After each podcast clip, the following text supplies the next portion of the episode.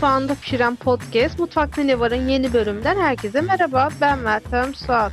Bugün çok değerli bir konuğumuz var ve çok ilginç bir konuyu pişireceğiz mutfağımızda. Fark ettim ki bugüne kadar hep feminizm konuştuk, queer bireyleri konuştuk. Ataerkil sisteme hep kendi hemcinslerimin hem de queer bireylerin gözünden baktım. Ancak hiç erkeklerin gözüyle ataerkil sisteme bakmadığımı, pişirmediğimi fark ettim. O sebeple bugün Sabancı Üniversitesi'nden doçent doktor Cenk Özbay ile erkeklik çalışmalarını, profeminizmi ve toplumdaki baba figürü algısını pişireceğim. Cenk Hocam hoş geldiniz. Hoş bulduk, merhabalar. Merhabalar. Cenk Hocam hemen şunu sorarak başlamak istiyorum. Türkiye'de çoğu kişi erkeklik çalışmaları bölümünün varlığından haberdar değil. Hatta ben bu bölüm için de konuk araştırırken herkes şey diyordu. Aa öyle bir bölüm mü varmış Türkiye'de? Hani biz çok faal olduğunu düşünmüyoruz diye. Erkeklik çalışmaları bölümü tam olarak ne iş yapar? Onu sorarak başlayayım. Aslında bir bölümden söz etmek mümkün değil. Bunu şöyle açıklayabilirim belki. Bizim adına cinsiyet çalışmaları ya da toplumsal cinsiyet çalışmaları dediğimiz alan, disiplinler arası bir alan. Ve bu alanın bugün itibariyle üç tane temel kolu var yan dalı var. Bunların bir tanesi sizin de belirttiğiniz gibi kadın çalışmaları ya da feminist çalışmalar. Bir tanesi LGBT çalışmaları ya da queer çalışmalar. Üçüncü ayağı da, üçüncü bacağı da erkeklik üzerine yani erkekliğin nasıl toplumsal cinsiyete tabi olduğu, toplumsal cinsiyet rejimlerinin, sistemlerinin, eşitsizliklerinin erkekler ile, erkekler kanalıyla, erkeklik vesilesiyle nasıl üretildiğini ve yeniden üretildiğini inceleyen, bunun hakkında çalışan, bunu irdeleyen, bunu da ekseriyetle dediğiniz gibi profeminist bir açıdan yani cinsiyet eşitliğini sağlamaya yönelik erkeklerin var olduğunu düşündüğümüz imtiyazlı halini sorgulamaya, açmaya yönelik bir tavırla yapan bir çalışma alanı bu. Peki, şimdi ben birazcık araştırdığımda erkeklik çalışmalarının temelde erkek psikolojisine, erkekliğin toplumsal ve kültürel bakımdan rollerine ve ataerkil söylemin erkekleri nasıl ezdiğine dair çalışmalar yaptım gördüm. Ve bu alandaki makaleler diyor ki ataerkil söylem fiziksel bakımdan güçlü erkeğin her konudan dayanıklı olduğunu ve dayanıklı olduğu fikrini besliyor. Özellikle de psikolojik bakımdan ve bunun erkekliğin doğası olduğunu söylüyor.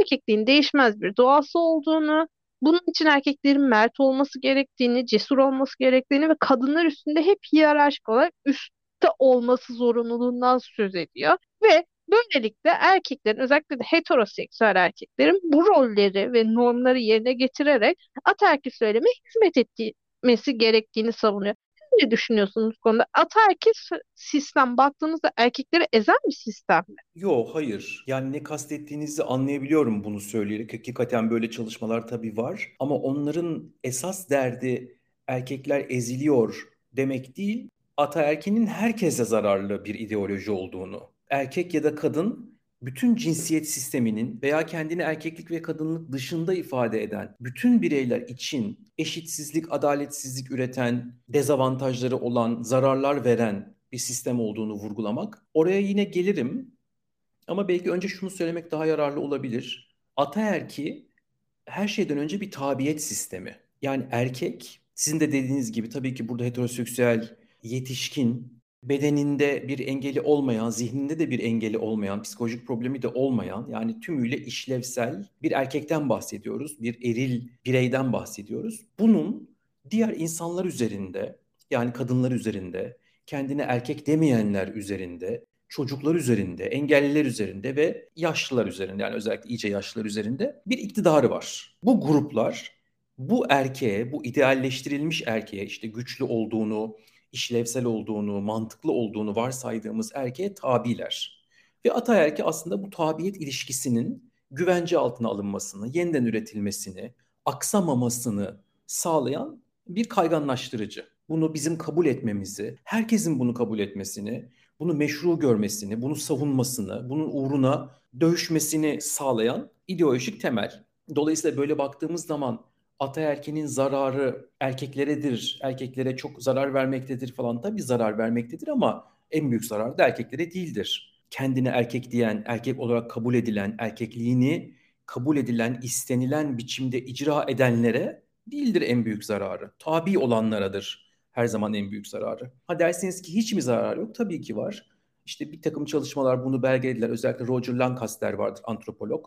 Bunu çok güzel anlatmıştır daha önce çalışmalarında. Bir kere her şeyden önce sizin de dediğiniz gibi ataerkil ideoloji erkeklere güçlü olmalarını buyurur. Yani güçsüz bir erkeklik, kırılgan bir erkeklik, zayıf bir erkeklik ataerkil ideolojik düşüncede kendi yer bulamaz. Tabiyet ilişkisinde tabi olan tarafa ittirilir. Dolayısıyla bir erkeğin erkek olabilmesi için, erkek görülebilmesi için güçlü olması gerekir. Duygularını gizleyebilmesi gerekir, duygularını hakim olabilmesi gerekir, duygularını sergilememesi beklenir, zayıflıklarını örtmesi beklenir. 7-24 teyakkuzda yaşaması, kendini savunabilmesi, kendine tabi olanları savunabilmesi ve dolayısıyla da aslında her türlü psikolojik ve fiziksel tehdide, saldırıya açık bir halde olması beklenir ve bunun tabii ki bedelleri var. Görebiliyoruz zaten etrafımızda da yaşadığımız dünyada da. Ama meselenin merkezinde olan konu bu değildir. Bu sadece bir yan ürünüdür ataerkinin.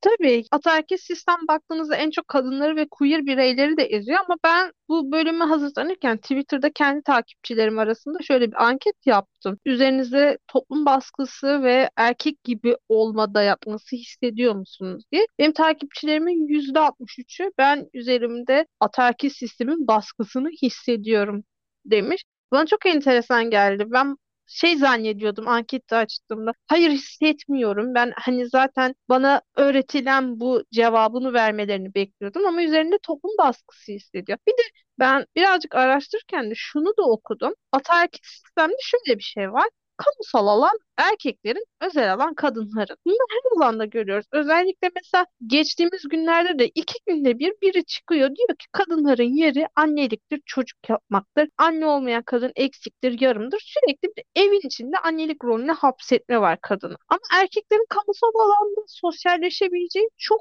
alan var. Mesela biz bunu mekanın cinsiyeti bölümünde şu an Gezi davası nedeniyle Bakırköy cezaevinde tutuklu olan Mücella Yapıcı hocamla da konuşmuştuk. Orada da diyor ki kamusal alanda erkeklere özgü çok mekan var. Mesela kıraathaneler. Hani benim mesela geçen gün Cenk hocam evimin etrafında çarşıya çıktığımda meydanda büyük bir kıraathane gördüm ve orada yüzlerce erkek oturuyordu. Düşündüm dedim ki kıraathane olmasaydı ve benim semtimde yaşayan queer bireylerin, çocukların ya da bir başkasının vakit geçirebileceği büyük bir park olsaydı daha işlevli olurdu. Ama orası erkeklere ayrılmış bir mekan. Siz ne düşünüyorsunuz? Bu ataerkil sistem erkeklere kamusal alanda hakimiyet üstünlüğü mü veriyor? Bir de bu üzerinde toplum baskısı hisseden erkekler hakkında. Şimdi tabii yani feminizmin bize öğrettiği bir gerçeklik var. İşte 100 yıldır, 150 yıldır. O da şu ki bu az önce bahsettiğimiz ataerkinin erkeklere bir takım haklar, bir takım imtiyazlar verme tarihinde ve yeterince erkek olmayanları veya hiç erkek olmayanları da dezavantajlı kılma, tabi kılma e, sürecinde erkekleri sanki üstün insanlarmış ve kalanlar da henüz erkek olmayanlar, erkek olamamışları da ona bağlayan, o ikincil kılan sistemin kilit noktası bu özel kamusal ayrımıdır. Kamusal alan dediğimiz içinde ekonominin, içinde siyasetin, içinde dediğiniz gibi kamusal alanları kullanmanın, özgürce kullanmanın, sosyalleşmenin, ağ kurmanın olduğu yerler erkeklere ayrılırken kadınlara düşen bu iş bölümünde erkeklerin tenezzül etmediği, değerli bulmadığı, gönül indirmediği yerler yani ev işleri. Çoluk çocuğa bakmak, yemek pişirmek, evi temizlemek, yaşlılara bakmak gibi onların kendine layık bulmayacağı taraflar kalmış iş bölümü. Yani bu adil bir iş bölümü değil, eşit bir iş bölümü de değil cinsiyetler arasında mevcut dünyada, yaşadığımız dünyada eşit bir iş bölümü yok. Ve aslında sorunun kaynağı zaten bu eşitsizlik. Gittikçe artan sayıda kadının bunu kabul etmemesi ve işin güzel yanı gittikçe artan sayıda erkeğin de bunu kabul etmemesi ya da bunun huzursuz olmasıyla alakalı bir şey. Dediğinizin ikinci kısmında ben de hem fikrim yani kahvehaneler, kıraathaneler üzerinde zaten çalışılmış bir konu. Yok olan erkek mekanlarından bir tanesi. Yok oldu diye tabii üzülmüyoruz. İyi ki yok oluyor. Ama böyle erkeklere ayrılmış, yalnızca onların kullanabildiği ve erkek olmayanları dışlayan kamusal alanlar neyse ki azalıyor. Eskiden mesela bunun çok bariz bir örneği futbol stadyumlarıydı. Fakat günümüzde bu büyük ölçüde aşıldı. Yani mesela Avrupa'ya gittiğiniz zaman herhangi bir ligin maçlarında kadınları ve çocukları da görebiliyorsunuz. TV yayınlarında da özellikle öne çıkartılırlar fark etmişsinizdir belki. Türkiye'de de büyük şehirlerde artan sayıda kadının statlara gittiğini görebiliyorsunuz. Yani dolayısıyla bir değişim söz konusu. Aynı şey kıraathaneler için de söz konusu. Bir zamanlar yegane sosyalleşme mekanı ve her yerde olan bir mekanken günümüzde şehir merkezinde büyük ölçüde azalmış durumda. Yani mesela atıyorum işte Kadıköy'de veya Beşiktaş'ta çok daha nadiren karşılaşabiliyorsunuz. Ve bu değişim sürecinde bundan da herhalde kurtulacağız. Ama öte yandan parkta doğası gereği herkese açık bir yer değildir aslında. Parkta üzerinde mücadele edilen farklı güçlerin, farklı kesimlerin iktidar sahibi olmaya çalıştıkları bir yerdir.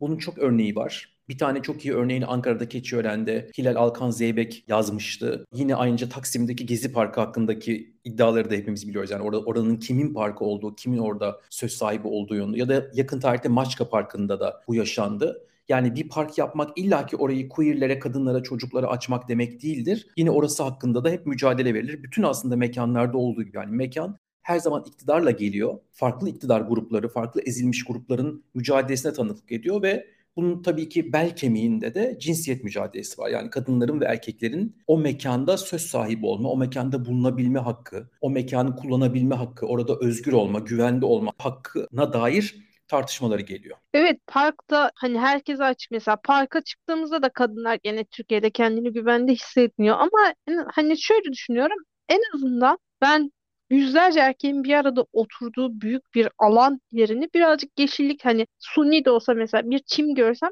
belki daha mutlu olabilirdim o şehrin ortasında. Cenk hocam genelde erkek erkeklik denince Türkiye'de akla bir maskülenizm geliyor. Ben maskülenizmi birazcık araştırdım. İki kavramı soracağım size ne, nasıl yorumladığınızı. Şimdi maskülenistler diyor ki temelde anti-feminist ve anti-queer bir duruşumuz var. Erkekler doğası gereği toplumsal üstünlüğe sahip ve bu yaklaşıma göre maskülenistler diyor ki aslında kadınlar ve queer bireyler insanlığı sömürür ve toplumda erkek egemenliği diye bir şey yoktur.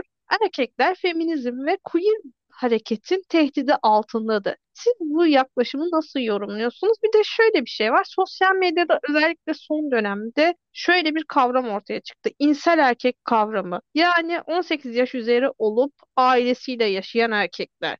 Ve bu erkekler aileleriyle yaşıyorlar genelde ve karşı cinsle iletişim kuramıyorlar. Asosyaller. Kadınları sadece cinsel obje olarak görüyorlar ve genelde asosyal tipler. Siz bu iki kavramı nasıl yorumluyorsunuz? Hem maskülenist yaklaşımı hem de bu insel erkek kavramı ve sosyal medyadaki bu insel erkek propagandasını nasıl yorumluyorsunuz? Aslında bunlar alakalı birbirleriyle yani birbirlerinden bağımsız değiller. Belki şöyle başlamak daha doğru olur. Erkeklik doğal bir şey değildir. Tıpkı kadınlığın da doğal olmadığı gibi. Biz belli biyolojik özelliklerle dünyaya geliyoruz. Belli yeniden üretme kapasiteleriyle dünyaya geliyoruz. Yani erkek bedenlerin, eril bedenlerin ve dişi bedenlerin, kadınların bir takım kapasiteleri var. Bir takım işte cinsel organları var, hormonları var, kromozomları var. Ve bunların üzerine cinsiyet kimliklerimizi inşa ediyoruz. Ve bu kimlikler de hem esneklik gösteriyor hem zamanla değişiyor, toplumdan topluma değişiyor, tarih boyunca değişiyor. Neyin erkek olduğu, neyin erkeklik sayıldığı, neyin erkekliğe yakıştığı tıpkı kadınlık gibi hep değişiyor. Dediğim gibi bağlamlar arasında da değişiyor, tarihsel olarak da değişiyor, insanın hayat süresinde de değişiyor. Dolayısıyla erkeklik doğaldır, bizim içimizden geliyor, bastırılmaya çalışılıyor falan laflarını biz aslında bir restorasyon çabası gibi görebiliriz. Yani erkek kaybolan, eşitsiz, adil olmayan iktidarını yeniden tesis etme çabaları. Bunu söyleyen erkekler ve eğer varsa kadınlar da aslında şunu demeye çalışıyorlar. Ya biz hepsinin eşit olduğunu düşünmek istediğimiz 8 milyar insan içinden bazılarının üstün olduğuna inanmak istiyoruz. Yani bu kendine erkek dediğimiz, kendini erkek gören, bizim de erkek olduğunu kabul ettiğimiz ve az önce dediğim gibi akıllı, sağlıklı, işlevsel, rasyonel varlıklar diğerlerinden daha üstün olsun. Bütün kavga aslında bununla ilgili. Ataerki aslında bu demek. Ve bunu söyleyenler de bu eşitsizliğe meydan okunduğu zaman, bunu değiştirmek için çalışıldığı zaman, mücadele verildiği zaman kendilerini tehdit altında, erkekliği tehdit altında hissediyorlar. Ve sanki böyle soyları tükenmekte olan bir hayvanmış gibi cümleler kuruyorlar. İşte LGBT'ler ve feminist kadınlar erkeklik için bir tehdittir. Biz baskı altındayız. Biz azalıyoruz gibi. Tabii bunun hiçbirisi doğru değil. Bütün bunlar ideolojik kılıflar aslında dediğim gibi.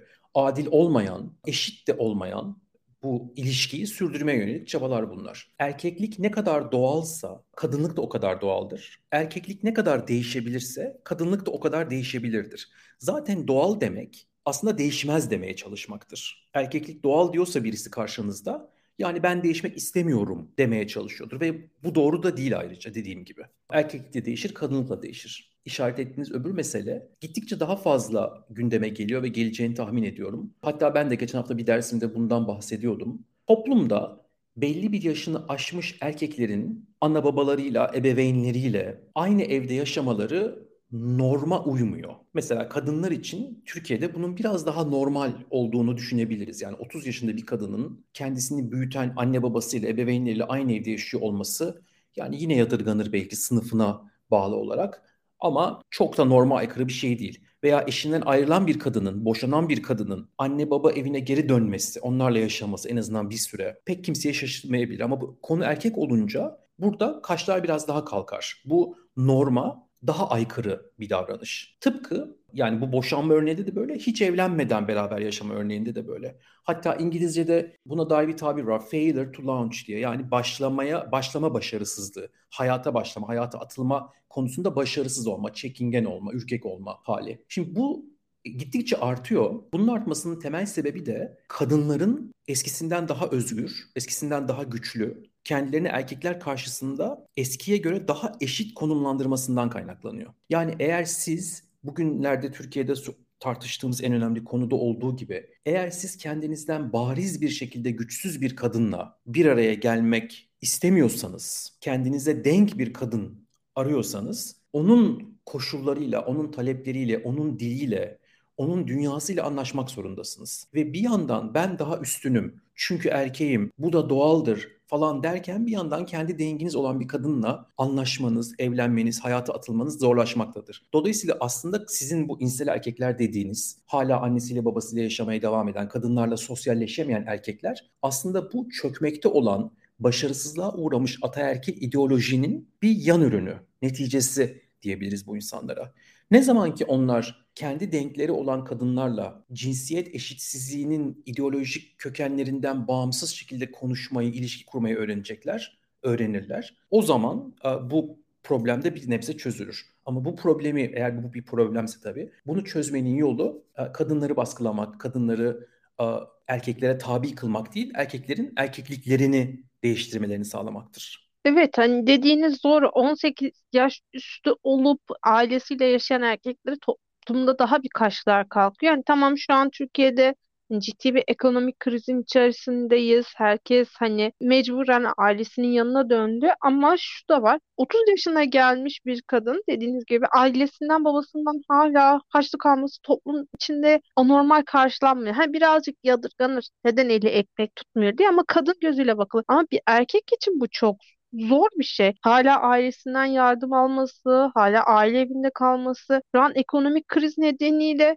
çoğu genç artık dışarıda bir yemek bile yiyemiyor. E bu erkekler ne yapıyor? Sürekli evin içinde sosyalleşemiyor. Ben onları kısaca ekşi sözlük olarak tarif adlandırıyorum. Çünkü yani ekşi sözlüğe bir dönüp bakın Cenk hocam. Her gün kadın aşağılayan başlıklar var. 30 yaşını aşmış ve evde kalmış kadın amacı, işte şort giyen kadın nasıl amacı, işine evden tost yapıp götüren varoş kız sürekli bir kadın aşağılama var. Ama neden kadınları aşağıladıkları belli değil. Sürekli öfkeliler. Baktığınızda aynı sizin dediğiniz gibi yani kendilerine denk bir kadını bulamıyorlar. Artık Türkiye'de kadınlar daha kendine güvenli, ayakları üstünde durabilen kadınlar ve bu erkekleri haliyle istemiyorlar. Ne oluyor? Bu erkekler de içinde biriken cinsel enerjiyi şiddete çevirmeye başlıyor. Dönün bir bakın etrafınıza. Bunu tüm dinleyicilerim için söylüyor. Parkta şort giydiği için kadınlara saldıranlar, minibüste saldıranlar, metrobüste, metroda, tramvayda el ele tutuşan çiftlere ayıp değil mi, aile var diyenlerin hepsi aslında bir insan. Çünkü kendi yapamadığı için o enerjiyi başkasına yüklemeye çalışıyor. Bunu biz Fatih Bora'yla da bastırılmış cinsellik bölümünde konuştuk. O yüzden de sürekli bir öfke, gerginlik var. Aile evinde yaşamanın ayrı bir yükümlülüğü var, asosyal ve bu erkekler de ben çirkinim. O yüzden de kadınlar bana bakmıyor diyor. Ve kadınları sadece nefes alan bir obje olarak görüyorlar. Bu hani eğitim ya, statü yaşta fark etmiyor. Girin bakın bir date uygulamasına orada da kadınları sadece obje olarak gören ev adresini yazdığında kadın koşa koşa gelecek zanneden binlerce erkek var Türkiye'de. Ve bu hani yavaş yavaş evet neyse ki kırılıyor ama hani bunun nereye gideceğini de ben çok öngöremiyorum açıkçası. Dediğim gibi ben onlara kısaca yürüyen ekşi sözlük diyorum. Çünkü dönüp bakın. Yani ben mesela Twitter'da anket yaptığım zaman o ankette erkeklerin yüzde 67'si diyor ki ben diyor duygusal ilişkilerimde duygularımı bastırmak zorunda kalıyorum demiş. Yüzde 69 da erkek olduğu için sürekli güçlü görünmek zorunda hissediyor. Siz ne diyorsunuz? Bu sürekli kendilerini bastırmak zorunda mı hissediyor erkekler? Bir de şunu da sormak istiyorum. Siz aslında profeminizm alanında çalışıyorsunuz bildiğim kadarıyla ve Türkiye'de profeministlere birazcık ön yargıda yaklaşıyorlar. Mesela 8 Mart'larda kadınlar diyor ya eylemlere erkekler gelmesin 8 Mart kadınların eylemidir. Emekçi Kadınlar Günü biz kutlayacağız diye. Bu mesafeye nasıl yaklaşıyorsunuz? Bir de duygusal olarak bastırılmaya. Aslında verdiğiniz bütün örnekler şeye bence işaret ediyor. Türkiye'deki erkeklik krizine. Yani yaşanmakta olan problem ki bu ayrıca Türkiye'de mahsus değildir bu arada. Mesela Linda McDowell'ın böyle çok iyi bir kitabı vardır. Michael Kimmel'ın Mesela Michael Kimmel'ın kitabında da Angry White Men yani öfkeli beyaz erkekler Amerika Birleşik Devletleri için. Linda McDowell'ın ki mesela redundant masculinity yani böyle boşa çıkmış erkeklikler diye çevirmek mümkün belki. Ama benzer şeylerden bahsediyorlar. Sizin de değindiğiniz örneklerden bahsediyorlar. O da şu, şimdi hepsini bir arada görmek daha iyi olabilir. Yani bir yandan bir siyasi kriz var, bir yandan çok ciddi bir ekonomik kriz var Türkiye'de ve bir yandan cinsiyet krizi var. Şimdi siyasi krizle ekonomik krizi zaten çok iyi biliyorsunuz. Size anlatmama gerek yok ama erkeklik krizinden, cinsiyet krizinden şunu kastediyorum. Takip etmelerini öngördükleri yolu, patikayı takip edemiyorlar. Babalarından, dedelerinden gördükleri erkeklik mefhumunu veya babalık mefhumunu hayata geçiremiyorlar. Çünkü az önce konuştuğumuz gibi karşılarında buna uygun yani annelerine benzeyen, büyük annelerine benzeyen muhataplar, denkler göremiyorlar. Ve bu bir öfkeye dönüşüyor. Şimdi bu öfke özellikle genç erkeklerdeki hayatı atılamayan, atılsa da başaramayan, kendini dışlanmış hisseden, kendisinin doğal hakkı olduğunu düşündüğü imtiyazdan faydalanamadığı için öfkelenen erkeklerin bu öfkesi her yerde kadınlara yöneliyor, LGBTİ queer bedenlere, bireylere yöneliyor veya yabancılara, göçmenlere özellikle de yöneliyor. Yani bu dünyanın her yerinde böyle oluyor. Türkiye'de de böyle. Birinci adresi, en önemli adres tabii ki kadınlar. Ya kendi hayatlarındaki başarısızlığı, kendilerinin adapte olamama problemini, değişen dünyanın, değişen cinsiyet kalıplarının, değişen ekonominin, değişen toplumun özelliklerine bürünememelerini faturalandırmak için bir anlamda başka yerlere bakıyorlar ve kadınları görüyorlar en yakınlarında. Yani diyorlar ki bu tarz erkekler sizin de işaret ettiğiniz gibi ben işsizken, ben evdeyken eğitim çok önemli bir konu burada. Okulda da başarısızlığa uğramış akademik hayatta. Mesela üniversiteyi kazanamamış. Kazandıysa diyelim daha mütevazi bir üniversiteyi kazanmış. Okusam ne olacak psikolojisinde. Ve diyor ki ben bunları yapamazken kendisinden daha aşağı gördüğü, ona kendisinden daha aşağı olduğu öğretilen kadınların bunu başardığını gördükçe öfkeleniyor. Özellikle kamusal alanda bu karşılaşmalar artıyor. Niye? Çünkü zaten özel alanda bunları görmesine imkan yok. Ama kamusal alanda yani çalışan kadınlar, özgür kadınlar, istediği gibi giyinen kadınlar, istediği gibi yaşayan kadınlar gördükçe kendi elinden alınmış bir hakkın kadınlar tarafından icra edildiği sanrısına kapılıyor. Yine bunun aynı şekilde dediğim gibi LGBTİ insanlara yönelik ya da yabancılara, göçmenlere yönelik versiyonları da mevcutlar. Benim işimi yabancılar aldı, kahrolsun bu göçmenler. Tavrı da benzer bir şeydir. Kendisinin olması gerektiğine inandığı pozisyonun başkaları tarafından işgal edilmesi ve bunun suçlusu da kendisi değil, miş gibi. Benim kendimin de dahil olduğu bir araştırma grubunun daha yeni bir yazısı yayınlandı. Yani yeni bir makale yazdık buna dair. Bunun dışında yine sosyolog Gül Özyeğin'in çok önemli bir kitabı var. 2015'te çıkan ve maalesef Türkçe'ye çevrilmeyen gençler arasında yani onun 2000'lerde yaptığı bir araştırmanın neticeleri genç üniversite öğrencilerinin romantizm, ilişki, aşk ve cinsellik bağlamlarında nasıl irtibatlandığını gösterdiği çok önemli bir araştırma. Biz de onu bir anlamda takip eden başka bir araştırma yürüttük. Buna istinaden şunu söyleyebilirim. En azından üniversite okuyan, üniversite öğrencisi genç erkeklerin böyle bir problemle karşılaşmadıklarını, böyle bir dertleri olmadığını söyleyebilirim. Hatta Gül Özyeğin'in bulguları bize tam aksini gösteriyor. Çünkü şöyle bir kalıp vardır. Kadınlar aşk arar, erkekler seks arar. Özyeğin gösteriyor ki bu her zaman böyle olmuyor. Bunun böyle olmadığı çok durumlar da var. Biz de bunu yine aynı şekilde ondan yaklaşık 20 sene sonra yaptığımız araştırmada sınadık ve yine aynı şeyle karşılaştık. Pekala duygusallık aramayan kadınlar ve duygusallık arayan erkekler, bunu önde tutan erkekler de, genç erkekler de mevcut. Ama dediğim gibi burada çok ciddi bir sınıf meselesi var. Yani önde gelen üniversitelerin öğrencileriyle konuşuyoruz. Her ne kadar her toplumsal katmandan öğrenciler bu üniversiteye giriyor olsa bile yine de belli bir süzgeçten geçmiş bireylerle konuşuyoruz. Mesela derin Anadolu'nun koşullarını tabii bilmemize imkan yok bizlerin araştırmalarla. Bunun çok genellenebilecek bir problem olduğunu düşünmüyorum. Erkeklerin duygusal taleplerini bastırmalarını. Ama bu öte yandan zaten hakim erkeklik ideolojisinin bir neticesidir konuştuğumuz gibi. Yani erkeklik zaten duygusal olmamayı, olan duyguların da bastırmayı, ifade etmemeyi, kas katı olmayı gerektiriyor. Ve eğer buna inanmışsa bu erkek özne tabii ki gösteremiyor duygularını ve duygusal bir ilişki yaşayamıyor, duygusal bir bağ kuramıyor. Zannediyorum bunu psikologlar daha iyi değerlendirebilirler. Öbür profeminizm tartışmasını açıkçası çok bilmiyorum. Yani ben kendime profeminist diyorum. Çünkü ben doktoramı Amerika'da yaptım ve oradaki hocam da erkeklik çalışmaları alanının en bilinen isimlerinden birisidir. O da kendine profeminist derdi. Ben ondan öğrendim bunu. Çünkü sanki feministim demek kendini erkek olarak tanımlayan bir insan için sanki galiba çelişkili bir durum veya belki bir saygısızlık gibi geliyor. Yani ben feminizmi destekliyorum demeye çalışıyorum bunu söylediğim zaman. Türkiye'deki feminist hareketin, kadın hareketinin tavrına çok hakim değilim açıkçası. Bu hareketin bir parçası da değilim doğal olarak. Çok hakim değilim. Ama onların kastettiklerinin sizin aslında daha önceki bir sorunuzda işaret ettiğiniz yani kamusal alan çok erkek egemen Türkiye'de erkeklerin olmadığı bir kamusal alan yaratma çabasının bir parçası olarak görüyorum. Yürüyüşlere katılmamalarını, katılmama taleplerini, kendine heteroseksüel ve erkek diyen bireyler bizim yürüyüşlerimize gelmesinler gibi bir tavır eğer söz konusuysa varsa ki benim bildiğim kadarıyla bu böyle. Bunu profeministleri dışlayalım değil de kendimize özgü cinsiyetlendirilmiş erkeksiz bir kamusal alan kurma. Tabii bu geçici bir şey zaten yani bir günlük bir şey, bir akşamlık bir şey. Bu çabanın içerisinde okuyorum. Hocam şimdi insel erkekleri konuştuk. Ailesiyle yaşayan erkekleri konuştuk. Orada bir babalık konusuna da değindiniz. Şimdi Türkiye'deki biraz babalık figürüne, babalık algısına da değinmek istiyorum ben. Daha önce de Mary Lou'yla yaptığımız toplumsal cinsiyet algısı araştırması bölümünde de bahsetmiştim. Kadir Has Üniversitesi'nin yaptığı Türkiye'de toplumsal cinsiyet araştırması 2022 raporuna göre erkeklerin %48'i ev işlerine yardım olarak tamiratı anlıyormuş ve baba olanların çocuk sahibi olan erkeklerin %44'ü eşine yardım etme olarak sadece çocukları dışarı çıkarma ve orada markete gitme olarak yardım ettiklerini belirtiyormuş.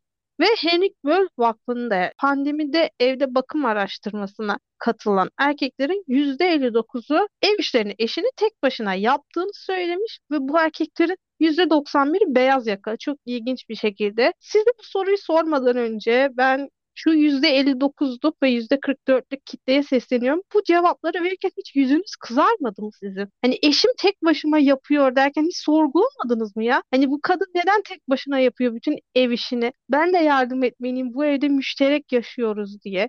Ve hiç mi demediniz ya ben bu cevabı verdim ama aslında yardım etmem gerekiyor. Aydınlanması da mı yaşamadınız sevgili erkek bireyler?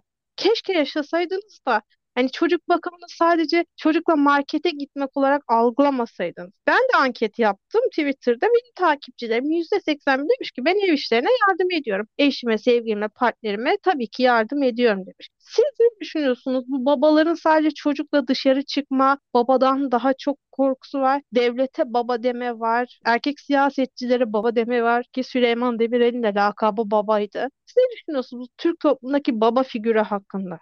Vallahi size çok katılıyorum. Yüzü kızarmadı mı bu insanların bu cevapları verirken diye. Çünkü bu çok ahlaki bir konu aslında. Sizin de değindiğiniz gibi. İmtiyazlı olan, güçlü olan, bir ilişki içerisinde avantajlı olan, üstte olan eğer belli bir ahlaki standarda sahipse bundan hicap duymalıdır. Ve bunu değiştirmeye çalışma sorumluluğu da onundur. Mesela sizin bu programınız vesilesiyle anlatmaya çalıştığımız erkeklik çalışmalarının çıkış noktalarından biri de budur. Yani bir cinsiyet eşitsizliği var ortada. Kadınlar bunu ortadan kaldırmak için yüz küsür yıldır mücadele ediyorlar ve bundan mutlu olmayan, bu eşitsizlikten gocunan erkeklerin de çaba göstermesi gerekir. Sorumluluğuyla, ahlaki sorumluluğuyla öncülerimiz bu alanı kurmuştu. Ve biz de bugün bunun için devam ediyoruz. Çünkü ben bir erkeğim ve erkek olarak bana atfedilen bir takım ayrıcalıklar var, imtiyazlar var, güçler var. Ama ben bunlardan mutsuzum. Çünkü ben herkesle eşit olmak istiyorum. Kadınlarla veya kendini kadın veya erkek demeyenlerle eşit olmak istiyorum. Ama sizin de işaret ettiğiniz gibi e, bu ancak belli bir azınlık tarafından paylaşılan bir hassasiyettir. İnsanların büyük çoğunluğu sahip oldukları imtiyazları sorgulama veya bunlardan vazgeçme gibi bir çabaya, böyle bir yönelime girme, girmezler, girmiyorlar. Dolayısıyla o şaşırtıcı değil. Üzücü ama Maalesef gerçeklik bu. Ben İlkay Baliç arkadaşımla 20 sene önce neredeyse bir makale yazmıştım. Erkekliğin ev halleri diye. Türkiye'den yola çıkan bir makaleden, Türkiye'den bahseden Türkçe bir yazıydı. Çok da okunmuştur 20 yıldır. O günden beri bu konu hep benim de gündemimde. Yani erkeklerin evde ne yaptığı benim temel gündemlerimden hep bir tanesi oldu. Araştırma gündemlerimden biri oldu. Ve bizim 20 sene önce de bulduklarımız, düşündüklerimiz, gördüklerimiz bugün hala geçerliliğini büyük ölçüde koruyor. Koruduğu da şu bu arada erkeklerin evde işlevsiz olduğu. Yani baba dediğiniz bir eğer çekirdek aileden bahsediyorsak zorunda değiliz ama varsayalım öyle. Yani baba evde ne işe yarar? Ya da evli bir erkek, baba bir erkek evde ne yapar? Bu sorunun pek bir cevabı yok. 20 sene önce de yoktu, bugün de yok. Yani eşine yardım etmek, partnerine yardım etmek, çocuklarının annesine yardım etmek, evdeki kadına yardım etmek gibi mefhumlar çok önemli, çok öne değerli kavramlar. Bunun yanında yani yardım etmenin dışında erkek evde ne yapar? Erkek evde ne işe yarar? Sorusunun bir cevabı yok. Hala yok. Ve aslında buradan da şuna bağlanıyoruz. Modernlik, modern olma belki de anlamdan, süslemeden, soyuttan uzaklaşmaysa yani işleve, mantığa yönelme ise belki aslında babalığın modern bir anlamda sorgulanması gerekiyor. Yani baba tam olarak ne işe yarar? Biz bir babadan ne bekleriz? Çalışıp para kazanması çok güzel ama o zaten kamusal alanla ilgili bir faaliyet, evle ilgili bir şey değil. Dolayısıyla bizim belki bunu gözden yani bizim ne beklediğimizi gözden geçirmemiz ve karşı tarafında bu beklentiyle uyumlu hale gelmesi gerekiyor. Yoksa daha çok uzun 10 yıllar boyunca böyle işte salata yapıyorum, tamirat yapıyorum, çocukları parka götürüyorum falan gibi belki böyle yüzde beşi ona bile tekabül etmeyen yani ev işi dediğimiz yükümlülüğün çok böyle kenarında kalmış marjinal bir tırnak içinde fayda sağlamış olurlar. Hocam şöyle de bir şey var mesela sosyal medyada hep bir görsel paylaşılıyor ya ilgili baba çocuğunu hamburger yemeye götüren baba ve tembel anne çocuğuna neden ev yemeği yapmıyor denen anne. Bir hafta sonu babası kültürü var ya Türkiye'de. İşte baba özellikle de boşanmış babalar çocuğunu alır hafta sonu McDonald's'a ya da başka bir fast foodçuya götürür. Hamburger yedir. Ay, o baba çok ilgilidir. Ama aynı şeyi anne yaptığında ilgisiz kadın evden yemek yapsa ne olur? Hep bir hani ama babalar yorulmasın. Çünkü aynı araştırmada babalara soruyorlar evde en az yaptığınız iş ne diye. En çok çamaşır yıkamak, bulaşık yıkamak ve çocuğu yıkamak olarak demiş. Hadi çocuğu yıkamak olabilir. Hani çocuğunu yıkamak niye istemiyor olabilir. Belki kız çocuğu vardır, mahremiyeti algısıdır. Ama sevgili babalar, çamaşır yıkamak, bulaşık yıkamak zaten ikisi de günümüzde makineyle yıkanılıyor. Kimse size dere kenarında kille çamaşır yıkayacaksınız demiyor. Hani bunları da yapmıyorsunuz. Bir tuşa da basmıyorsunuz. Hani sizin dediğiniz gibi ne yapıyorsunuz evde tam olarak? Hani ne yapıyorsunuz? O yüzden hani bu hafta sonu babaları ilgili baba ama ilgisiz anne Böyle bir şey de var hocam. Algı da var Türkiye'de. Evet olabilir. Yani ben açıkçası çok aile ve çok babalık çalışan birisi değilim. Dediğim gibi buna yani sadece daha ziyade kadın erkek ilişkisi ve o buradaki eşitsizlik ekseninde ancak yaklaşabiliyorum veya buna dair düşüncelerim var. Ama size katılıyorum. Yani aslında bizim evlilik kurumuyla bir derdimiz var. Yani aile ve evlilik ve bunlar zaten hep bir arada olması bekleniyor. Bir arada olmaması durumunda hem devlet hem kurumlar hem bireyler dehşete düşüyorlar. Yani bu dehşete niye düşüldüğünden başlamamız lazım. Devletin niye aileyi kutsal zannettiği, bunu korumak için seferber olduğunu, seferber olması gerektiğini düşündüğünü devlet yönetenlerin, devletlilerin, siyasetçilerin bu muhafazakarlık dediğimiz ideolojinin aileye niye bu kadar hassasiyet yaklaştığı, bundan ne beklediği, ne kazandığını düşünmemiz gerekiyor. Yani dolayısıyla bu çok temel bir sorunu işaret ediyor.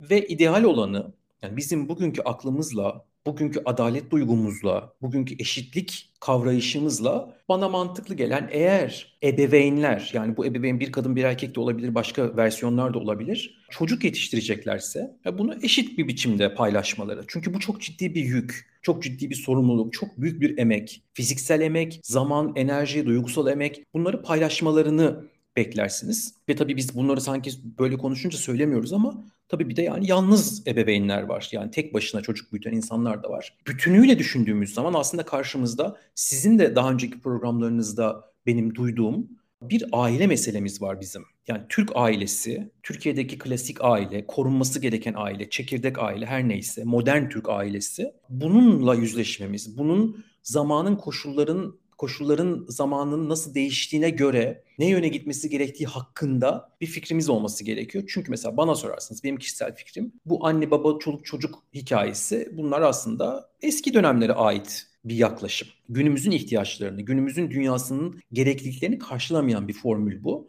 ve o yüzden de çok aksaklık çıkartıyor. Yani evlilik oranları, boşanma oranları, çocuk yapma, çocuk yetiştirme her yerde sorun yaşıyoruz. Anne baba katılımı, iş bölümü. Dolayısıyla bizim aslında daha ciddi yani babalık, evet babalıkla ilgili bir problem var. Tabii ki var. Belki annelikle de ilgili bir problem vardır. Uzmanları benden daha iyi bilirler. Şahsi gözlemime göre bence annelikle de ilgili çok problem var. Ama daha da önemlisi bizim aileyle ilgili bir problemimiz var. Çözemediğimiz ve muhtemelen de devletin marifetiyle, devletin karışmasıyla daha da beter hale geleceğini öngörebileceğimiz bir problem. Hocam bizim genelde bir aile krizimiz var. Hani devlet bunu aileyi korumak için elinden geleni yapıyor ki bunu hani LGBTİ yasasıyla da görüyoruz. Son dönemde sürekli o tartışılıyor. Sürekli aile korumu var ama aile içerisinde mesela anneyi korumak diye bir şey yok. Anne zaten özel alanda. Ama sürekli aman hani Ali Rıza Bey ben mesela pandemi döneminde çok fazla yaprak dökümü izliyordum. Şimdi burada izlemiyorum diyen dinleyicilerim. Birbirimizi kandırmayalım. Müge Anlı'da izliyoruz. Yaprak dökümü de izliyoruz. Aşkı Memnu'da izliyoruz.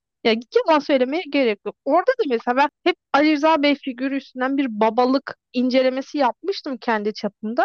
Hani baba hiçbir şey yapmıyor. Aman babanızın kahve saati, babanızın kahvaltı saati, babanız hep sofrada olmanızı ister. Ama babanız yani Ali Rıza Bey salataya bir limon bile sıkmıyor. Ama baktığınızda baba çok kıymetli. Aman babamız ne düşünür? Ya bu ailenin annesi ne olacak? O kadın orada perişan oldu 4 sezon. Niye ona kimse bakmadı da babamız çok üzüldü, babamız kahroldu diye. Tamam Reşat Nuri bu kitabı erken Cumhuriyet döneminde yazdı. Evet o zamanki baba figürü farklıydı ama dizide de sürekli bir erkeklik krizi var. Bunu sürekli görüyoruz. Mesela son dönemde bir Yalı Çapkını dizisi var. Evin bir dedesi var. Aman dedemiz rahatsız olmasın. E tamam dedemiz rahatsız olmasın. Evin erkeği reis annesi rahatsız olmasın da bunun başka bir yolu var mı? Dedemiz, babamız, aman babamız bizi korur kolla. Anneyi kimse düşünmüyor. Evet anneliğin de çok ciddi krizleri var ama sürekli direğimiz yıkılmasın. Kalemiz düşerse biz mahvoluruz. O yüzden Türkiye'deki hani hem babalık krizini hem de o aile krizini bir çözmemiz lazım. Bunu devletin karışmadan.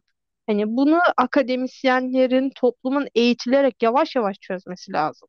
Yani devletin karışması her zaman bu süreci ancak hızlandırır. Yani çöküşü hızlandırır eğer bu bir çöküşse. Ama çok haklısınız. Yani aman babamız üzülmesin, aman babamız yorulmasın. İşte babamız bilir. Yani bu kendinden daha yaşlı bir erkeğe olan bağlılık ve bunun ideolojik olarak tekrar tekrar kurulması, tekrar üretilmesi, korunması bu kurumun, bu konumun dediğim gibi sürekli en baştan beri konuştuğumuz konuya göre ataerkinin krizine geliyor. Çünkü aslında böyle bir şey yok. Yani bu bitmekte olan, bitmiş bir ideolojik ayrımın, bir güç ilişkisinin, sonu gelmiş bir güç ilişkisinin uzatmaları oynamasıdır. Onun için bizlerin baba olmayan, babalık iktidarından faydalanmaya çalışmayan kitlelerin sürekli bunu gündemde tutması, sürekli bunu sorgulaması, üzülse ne olur ya diyebilmesi gerekir. Ama öte yandan sizden şurada ayrışıyorum. Anneliğin haklarını korumak, anne haklarını korumak diye. Anne haklarını yani kadının ev içindeki haklarını koruması gereken de yine kadındır. Koruyacaktır da, korumaktadır da.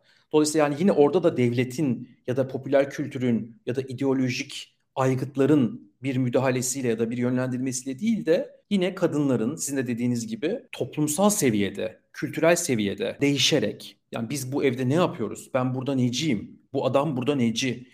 Diye düşünmesi gerekiyor. Düşünüyorlar zaten düşün, düşündükleri ortada. Onlar düşündükleri ve bunu ifade ettikleri için bütün bu konuştuğumuz meseleleri yaşıyoruz. Yani erkekliğin krizi dediğimiz şey aslında erkeklik daldan kopmuş, yerde çürüyen bir elma değil. Erkeklik kadınlarla, kadınlıkla karşılaştıkça, onun talepleriyle ilişki içine girdikçe krize giriyor. Dolayısıyla bütün bu bugün konuştuğumuz bu deneyimlerin sizin aktardığınız gerek bu ekşi sözlük tekilerin, gerek sokaktakilerin, gerek dizilerdekilerin bu halleri, bu tavırları, bu problemleri aslında zaten kadınların değişmekte olduğunu, dünyanın değişmekte olduğunu, bu adamların da bunu anlamamakta direndiğini ve bir süre daha herhalde direneceklerini gösteriyor bence bize. Peki. Hocam ben son olarak şunu da sormak istiyorum. Birazcık esprili bir soru olacak da. Twitter'da ve TikTok'ta son dönemde şöyle bir akım var. Mesela bir kullanıcı diyor ki sabah kalktım diyor, cilt bakımımı yaptım, spora gittim, geldim, yeşil çayımı içtim. Bu arada erkekler kapatılsın diye. Sürekli bir erkekler kapatılsın, siz duygusuzsunuz, şöylesiniz, böylesiniz diye. Siz ne düşünüyorsunuz bu erkekler kapatılsın söylemi hakkında? Kapatılmayı hak ediyor mu bu erkekler?